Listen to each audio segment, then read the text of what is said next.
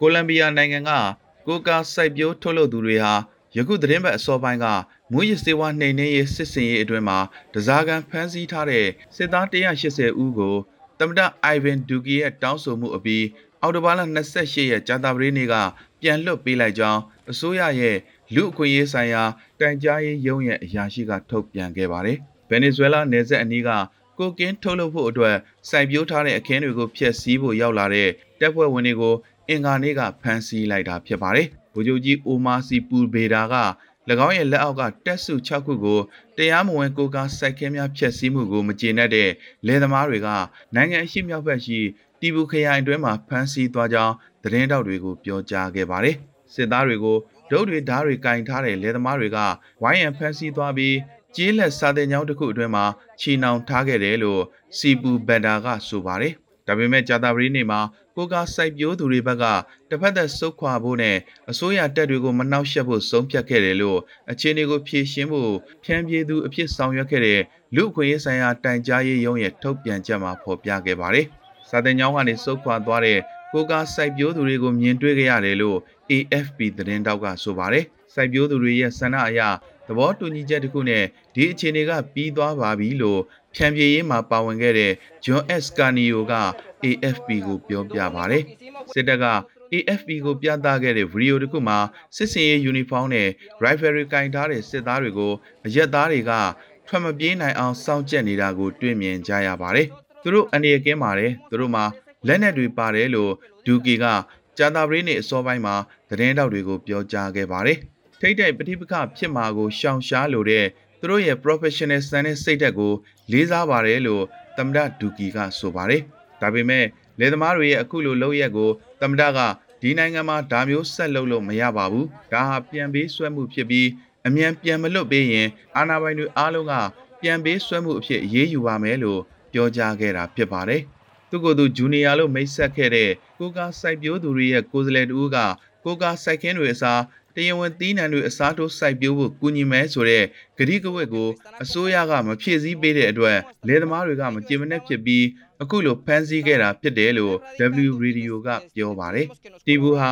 ကက်တာတန်ဖိုဒေတာအတွင်းကကိုကာစိုက်ခင်းဧက9900ကျော်ရှိပြီးကမ္ဘာပေါ်မှာမူရင်စေးစိုက်ပျိုးမှုအများဆုံး area အဖြစ်လူသိများကြောင်းကုလသမဂ္ဂအချက်လက်တွေအရသိရပါတယ်။ဖိလစ်ပိုင်အစိုးရရဲ့တေမင်းတမန်မူရစ်စစ်ပွဲအတွင်း တေဆုံးခဲ့ရသူတွေရဲ့ဆွေမျိုးသားချင်းတွေဟာသူတော်စင်များနေမတိုင်မီနိုင်ငံတကာရာဇဝတ်မှုခုံရုံး ICC ကနေ၎င်းတို့ရဲ့တေဆုံးခဲ့ရတဲ့ချစ်ခင်သူတွေအတွက်တရားမျှတမှုတစ်ခုမြင်ရဖို့မျှော်လင့်ကြောင်းပြောကြားခဲ့ပါတယ်။အဲဒီနေ့ဟာယောမမှာရှေးပဝေဒနီကလေးကရှိခဲ့တဲ့အထိမ့်မဲ့နေ့ရက်တစ်ခုဖြစ်ပြီးယုံကြည်ချက်အတွက်အသက်ဆွန့်ခဲ့တဲ့သူတော်စင်တွေနဲ့အာဇာနည်တွေကိုဂုဏ်ပြုတဲ့နေ့ဖြစ်ပါတယ်။ လူအသေးပြောက်များခဲ့တဲ့မူရစ်စစ်စင်ရေးအတွင်းရဲတပ်ဖွဲ့ရဲ့မိမိကိုယ်ကိုခုခံကာကွယ်မှုအတွက်လှုံ့ဆော်ခဲ့ခြင်းအပေါ်တန်တရားဖြစ်မိကြောင်းနဲ့ဖိလစ်ပိုင်အစိုးရကပြန်လည်စစ်ဆေးနေကြောင်းထိတ်တန်းအရာရှိတူကပြောကြားခဲ့ပါတယ်။တမ်တာရော့ဒရီဂိုဒူတာတေရဲ့ငွေရစစ်ပွဲအတွင်းရဲတပ်ဖွဲ့နဲ့စစ်စင်ရေးတွေမှာပါဝင်ခဲ့တဲ့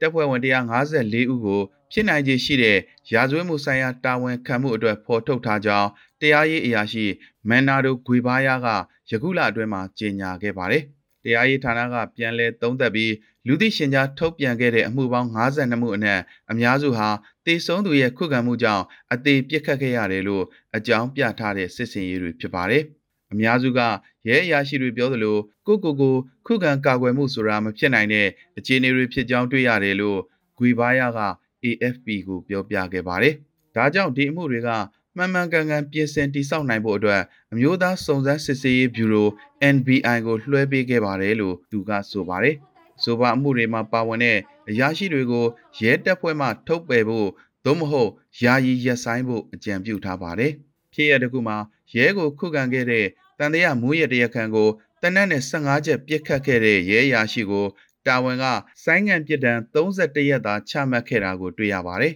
။မွေးရတိုက်ဖြတ်စစ်ဆေးမှုပေါင်း 9655ခုကိုပြန်လည်သုံးသပ်မှုပြုလုပ်နေတယ်လို့ပြီးခဲ့တဲ့နှစ်ကကုလလူ့အခွင့်အရေးကောင်စီကိုဂွေဘာယာကပြောကြားခဲ့ပါတယ်။ကုလလူ့အခွင့်အရေးရုံးကစိုးဝါးတဲ့အစည်းအဝေးခန်းစာတစ်စောင်ထုတ်ပြန်အပြီးမှာဂွေဘာယာကအခုလိုကြေညာချက်ထုတ်ပြန်ခဲ့တာဖြစ်ပါတယ်။ဖိလစ်ပိုင်လူ့အခွင့်အရေးစောင့်ကြည့်လေ့လာရေးအဖွဲ့ရဲ့အကြီးတန်းသူတေသီကားလိုစ်ကွန်ဒီက ပြန်လည်သုံးသပ်ထားတဲ့အမှုများအရာမူရစ်စစ်စင်ရေးတွေဟာတရားမဝင်လူသက်ခွင့်နိုင်ငံတော်အဆင့်မူဝါဒဖြစ်ကြောင်းပြသနေတယ်လို့ပြောကြားခဲ့ပါတယ်။နိုင်ငံရခြားကိုထွက်သွားရရင်တောင် ICC ရဲ့အကူအညီနဲ့တရားမျှတမှုရရှိလာမယ်လို့မျှော်လင့်တဲ့အတွက်ကျမတို့လိုတေဆုံးသူတွေရဲ့မိသားစုတွေအနေနဲ့ဝမ်းသာရတယ်လို့မူရစ်စစ်ပွဲသားကောင်ရဲ့မိခင်ဖြစ်သူခရစ်စတင်ပက်ကျူရကဆိုပါတယ်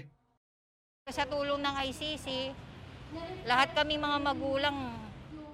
ဖိလစ်ပိုင်မှာမျက်မြင်သက်သေတွေထွက်ဆိုတဲ့အတိုင်းဆိုရင်တရားမျှတမှုမရဘဲနှစ်နဲ့ချီပြီးကြာသွားမှာပဲဒါပေမဲ့ ICC ကတော့ကျမတို့တင်ပြထားတဲ့စာရွက်စာတမ်းတွေကတဆင့်တရားမျှတမှုကိုရှာတွေ့နိုင်ပါလိမ့်မယ်လို့တေဆုံးသူရဲ့မိခင် Lori Pesco ကဆိုပါတယ် Pag dito sa atin sa Pilipinas, aabutin ka ng napakaraming taon,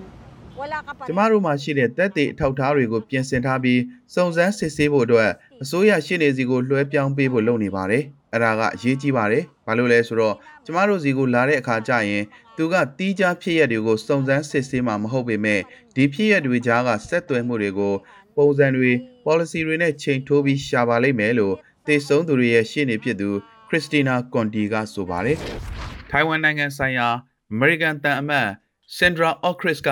ထိုင်ဝမ်ရဲ့မိမိကိုယ်ကိုမိမိကာကွယ်ရေးနဲ့ပတ်သက်လို့အမေရိကန်ရဲ့ကတိကဝတ်ကိုထပ်လောင်းပြောကြားလိုက်ပြီးထိုင်ဝမ်ကျွန်းနဲ့ပတ်သက်တဲ့အမေရိကန်ရဲ့မူဝါဒဟာပြတ်သားပြီးပြောင်းလဲမှုမရှိကြောင်းအလေးပေးပြောကြားခဲ့ပါတယ်။ထိုင်ဝမ်မှာအမေရိကန်တပ်ဖွဲ့ဝင်တချို့ရောက်ရှိနေပြီးလေ့ကျင့်ရေးအကူအညီပေးဖို့ရှိကြောင်းသမ္မတဆိုင်အင်းဝမ်ကအတည်ပြုပြောကြားခဲ့ပြီးတရုတ်ရဲ့တိုက်ခိုက်မှုအတွက်အမေရိကန်စစ်တပ်ကထိုင်ဝမ်ကိုကာကွယ်ပေးမယ်လို့ယုံကြည်ကြောင်းပြောကြားခဲ့ပါတယ်။အဆိုပါမှတ်ချက်ဟာမဆန်းလာပေမဲ့ နာကြပြန်ကတ်ဆရာဖြစ်သွားတဲ့တရုတ်ကဂျာတာပရင်းတွေကပြစ်တင်ရှုံချလိုက်ပြီးဒါဟာအမေရိကန်ရဲ့ပြဿနာဖြစ်အောင်လှုံ့ဆော်မှုတစ်ခုဖြစ်ပြီးအမေရိကန်နဲ့ထိုင်ဝမ်ကြားကဘယ်လိုစစ်ဖက်ဆက်ဆံရေးကိုမဆိုတရုတ်ကပြက်ပြက်သားသားစန့်ကျင်ကြောင်းပြောကြားလိုက်ပါတယ်။ CNN နဲ့အင်တာဗျူးတစ်ခုမှာဆိုင်အင်းဝမ်ကပေကျင်းရဲ့ချင်းချောက်မှုတွေတနေ့တခြားကြီးထွားလာတာနဲ့အမျှအင်အားကြီးတဲ့ အာဏာရှင်အိမ်နီးချင်းကိုရဲရဲတောက်ရင်ဆိုင်နေတဲ့ဒေသတွင်းကဒီမိုကရေစီရဲ့မီရှူးတစ်စောင်အဖြစ်ထိုင်ဝမ်ကိုအမွှန်းတင်ပြောကြားခဲ့ပါတယ်။ထိုင်ဝမ်မှာ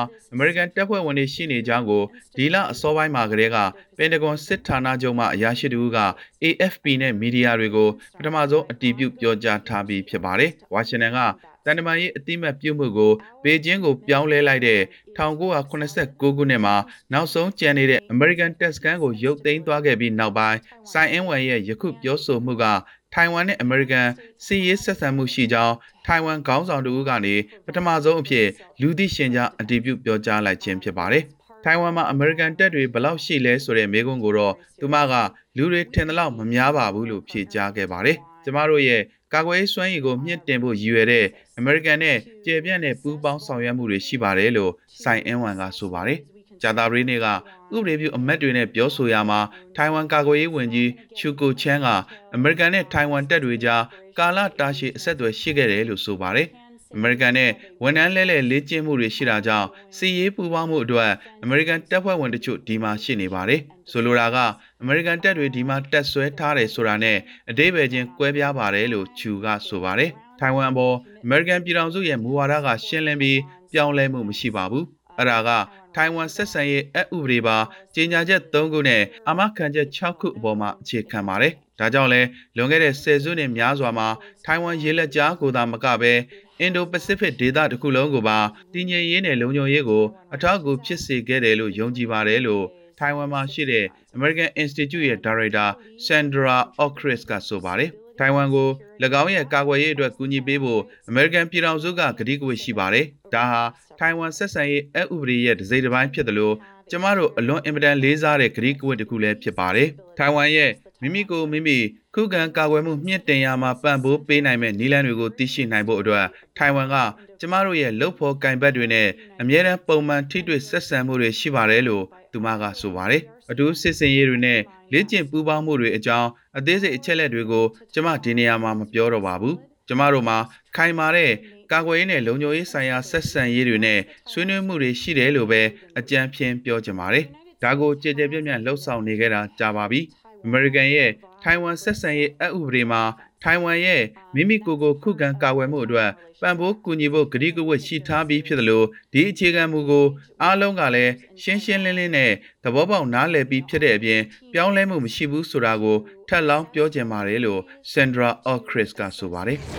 Facebook ကသူ့ရဲ့မိခင်ကုမ္ပဏီကို Meta လို့ပြောင်းလဲကြေညာလိုက်ပြီးတဲ့နောက်ဒီလိုပြောင်းလဲမှုဟာဘာမှအဓိပ္ပာယ်မရှိဘူးလို့ကယ်လီဖိုးနီးယားအခြေစိုက် ကုန်အမတ်တစိမ့်နဲ့ဈေးကွက်ရေးရာကျွမ်းကျင်သူဒေးဗစ်အာကာကပြောဆိုလိုက်ပါတယ်။ဒါဟာလူတွေရဲ့ပြောဆိုဆက်ဆံမှုကိုပြောင်းလဲဖို့အားထုတ်မှုတစ်ခုဖြစ်နိုင်ပြီးတကယ်ပြဿနာကိုဖြေရှင်းနိုင်မှာမဟုတ်ဘူးလို့သူကဆိုပါတယ်။ဤပညာကုမ္ပဏီကြီးဟာ၎င်းအတွက်ပြဿနာပေါင်း16000တက်နေတဲ့လူမှုကွန်ရက်ကိုအနာဂတ်မှာအွန်လိုင်းကတွေ့မြင်ရတာတွေကိုတကယ်အစစ်အမှန်တွေလို့မြင်တွေ့ရအောင်ဖန်တီးပေးမဲ့ virtual reality vision ကိုပြောင်းလဲပြစ်နိုင်ဖို့ အားထုတ်မှုတစ်ခုအဖြစ်မိခင်ကုမ္ပဏီရဲ့နာမည်ကို Metaverse လို့ပြောင်းလဲလိုက်ပါတယ်။ကုမ္ပဏီအနေနဲ့၎င်းရဲ့အဆိုးဝါးဆုံးအကြက်တဲကနေရုံထွက်နိုင်ဖို့ကြိုးပမ်းမှုအဖြစ်ပြုပြင်ပြောင်းလဲမှုအသစ်တွေကိုပြုလုပ်နေပြီးလက်တွေကဘာနဲ့ digital ကဘာအကြားကကွာဟမှုတွေကိုကျင်းမြောင်းအောင်လှုပ်ဆောင်ဖို့ဆိုတဲ့ Metaverse ရဲ့ရည်မှန်းချက်အတိုင်းဥတီအကောင့်ထဲပေါ်သွားမယ်လို့ယူဆရပါတယ်။ကမ္ဘာတစ်ဝန်းလုံးကလူဦးရေတန်းချီပြီးအသုံးပြုနေတဲ့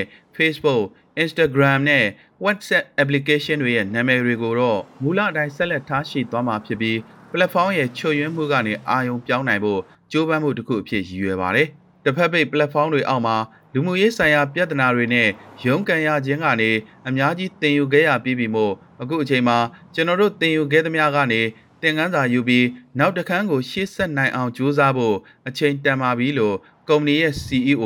Mark Zuckerberg က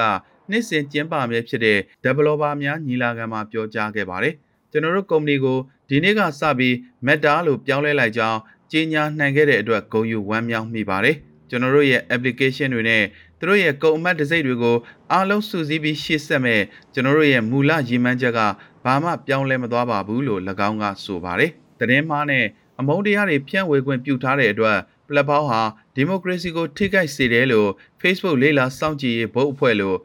င်းတို့ဘာသာနာမည်ပေးထားတဲ့တက်ကြွလှုပ်ရှားသူအုပ်စုတစ်ခုနဲ့အတူဝေဖန်သူတွေကတော့ကုမ္ပဏီရဲ့အမိပြောင်းလဲမှုအပေါ်အပြင်းထန်ကန့်ကွက်ခဲ့ကြပါတယ် what they did was really unwise because သူတို့ရဲ့ဒီလိုအတိတ်ပဲမဲ့တဲ့နာမည်ပြောင်းလဲမှုကြောင့် Facebook ကတာဝန်ခံဖို့လိုအပ်တဲ့စုံစမ်းစစ်ဆေးမှုစီမင်းစည်းကမ်းနဲ့စစ်မှန်ပြီးလွတ်လပ်တဲ့ကြီးကြပ်မှုတွေအတွက်အာယုံပြောင်းသွားတာမျိုးမဖြစ်သင့်ပါဘူးလို့အဆိုပါအဖွဲ့ရဲ့ထုတ်ပြန်ချက်မှာဖော်ပြခဲ့ပါတယ်။ဝန်ထမ်းဟောင်း France Haugen ရဲ့ကုမ္ပဏီရဲ့တာဝန်ရှိသူတွေဟာ၎င်းတို့ထုတ်ကုန်ရဲ့အန္တရာယ်ဖြစ်နိုင်ခြေကိုမတိကျိုးကျွန်ပြုနေကြောင်းဌာနတွင်လေးလာမှုတွေပေါက်ကြားလာပြီးတဲ့နောက်ပိုင်း social media ကုမ္ပဏီကြီးဟာ၎င်းရဲ့အဆိုးဝါးဆုံးအကြက်တဲတွေကတစ်ခုနဲ့ရင်ဆိုင်လာခဲ့ရတာဖြစ်ပါတယ်။လူတွေရဲ့ခံယူချက်နဲ့မျှော်လင့်ချက်တွေကိုပြောင်းလဲပြစ်နိုင်ဖို့မျှော်လင့်ပြီးကုမ္ပဏီနာမည်ကိုပြောင်းလဲတယ်ဆိုတာကတကယ့်ကိုညံနေတဲ့လုပ်ရက်ပဲ။လူတွေကအခုလိုနာမည်ပြောင်းလဲလိုက်တဲ့အတွက်တခုခုအသစ်ဆန်းပါမယ်လို့မျှော်လင့်မှာပဲ။ သူတို့က program အသစ်တွေခေါင်းဆောင်မှုအသစ်ယဉ်ကျေးမှုအသစ်စတဲ့အသစ်အသစ်တွေကိုမျှော်လင့်ကြတယ်။ဒါပေမဲ့ဒီပြောင်းလဲမှုကတော့ဘာမှမပါတဲ့အတိတ်ပဲမဲ့လုပ်ရက်ပဲလို့အမတ်တစိမ့်နဲ့ဈေးကွက်ရှာဖွေရေးအတိုင်းအမြန်ကုမ္ပဏီ Profit ရဲ့ဒုဥက္ကဋ္ဌ David Arga ကဆိုပါတယ်။လူတွေမှာအဲ့လိုမျှော်လင့်ချက်တွေရှိတော့အခုလိုဘာမှမပါတော့စိတ်ပြက်လက်ပြက်နဲ့လှောင်ပြောင်မှုတွေတောင်ရှိကောင်းရှိနိုင်တယ်။ ဒါဟာဆက်သွယ်ပြောဆိုမှုပုံစံကိုပြောင်းလဲပစ်ဖို့ကြိုးပမ်းမှုတရက်ဖြစ်ပြီးတကယ်ပြဿနာကိုဖြေရှင်းဖို့မဟုတ်ဘူးဆိုတာလူတွေသိလာမှာပဲလို့သူကဆိုပါတယ်။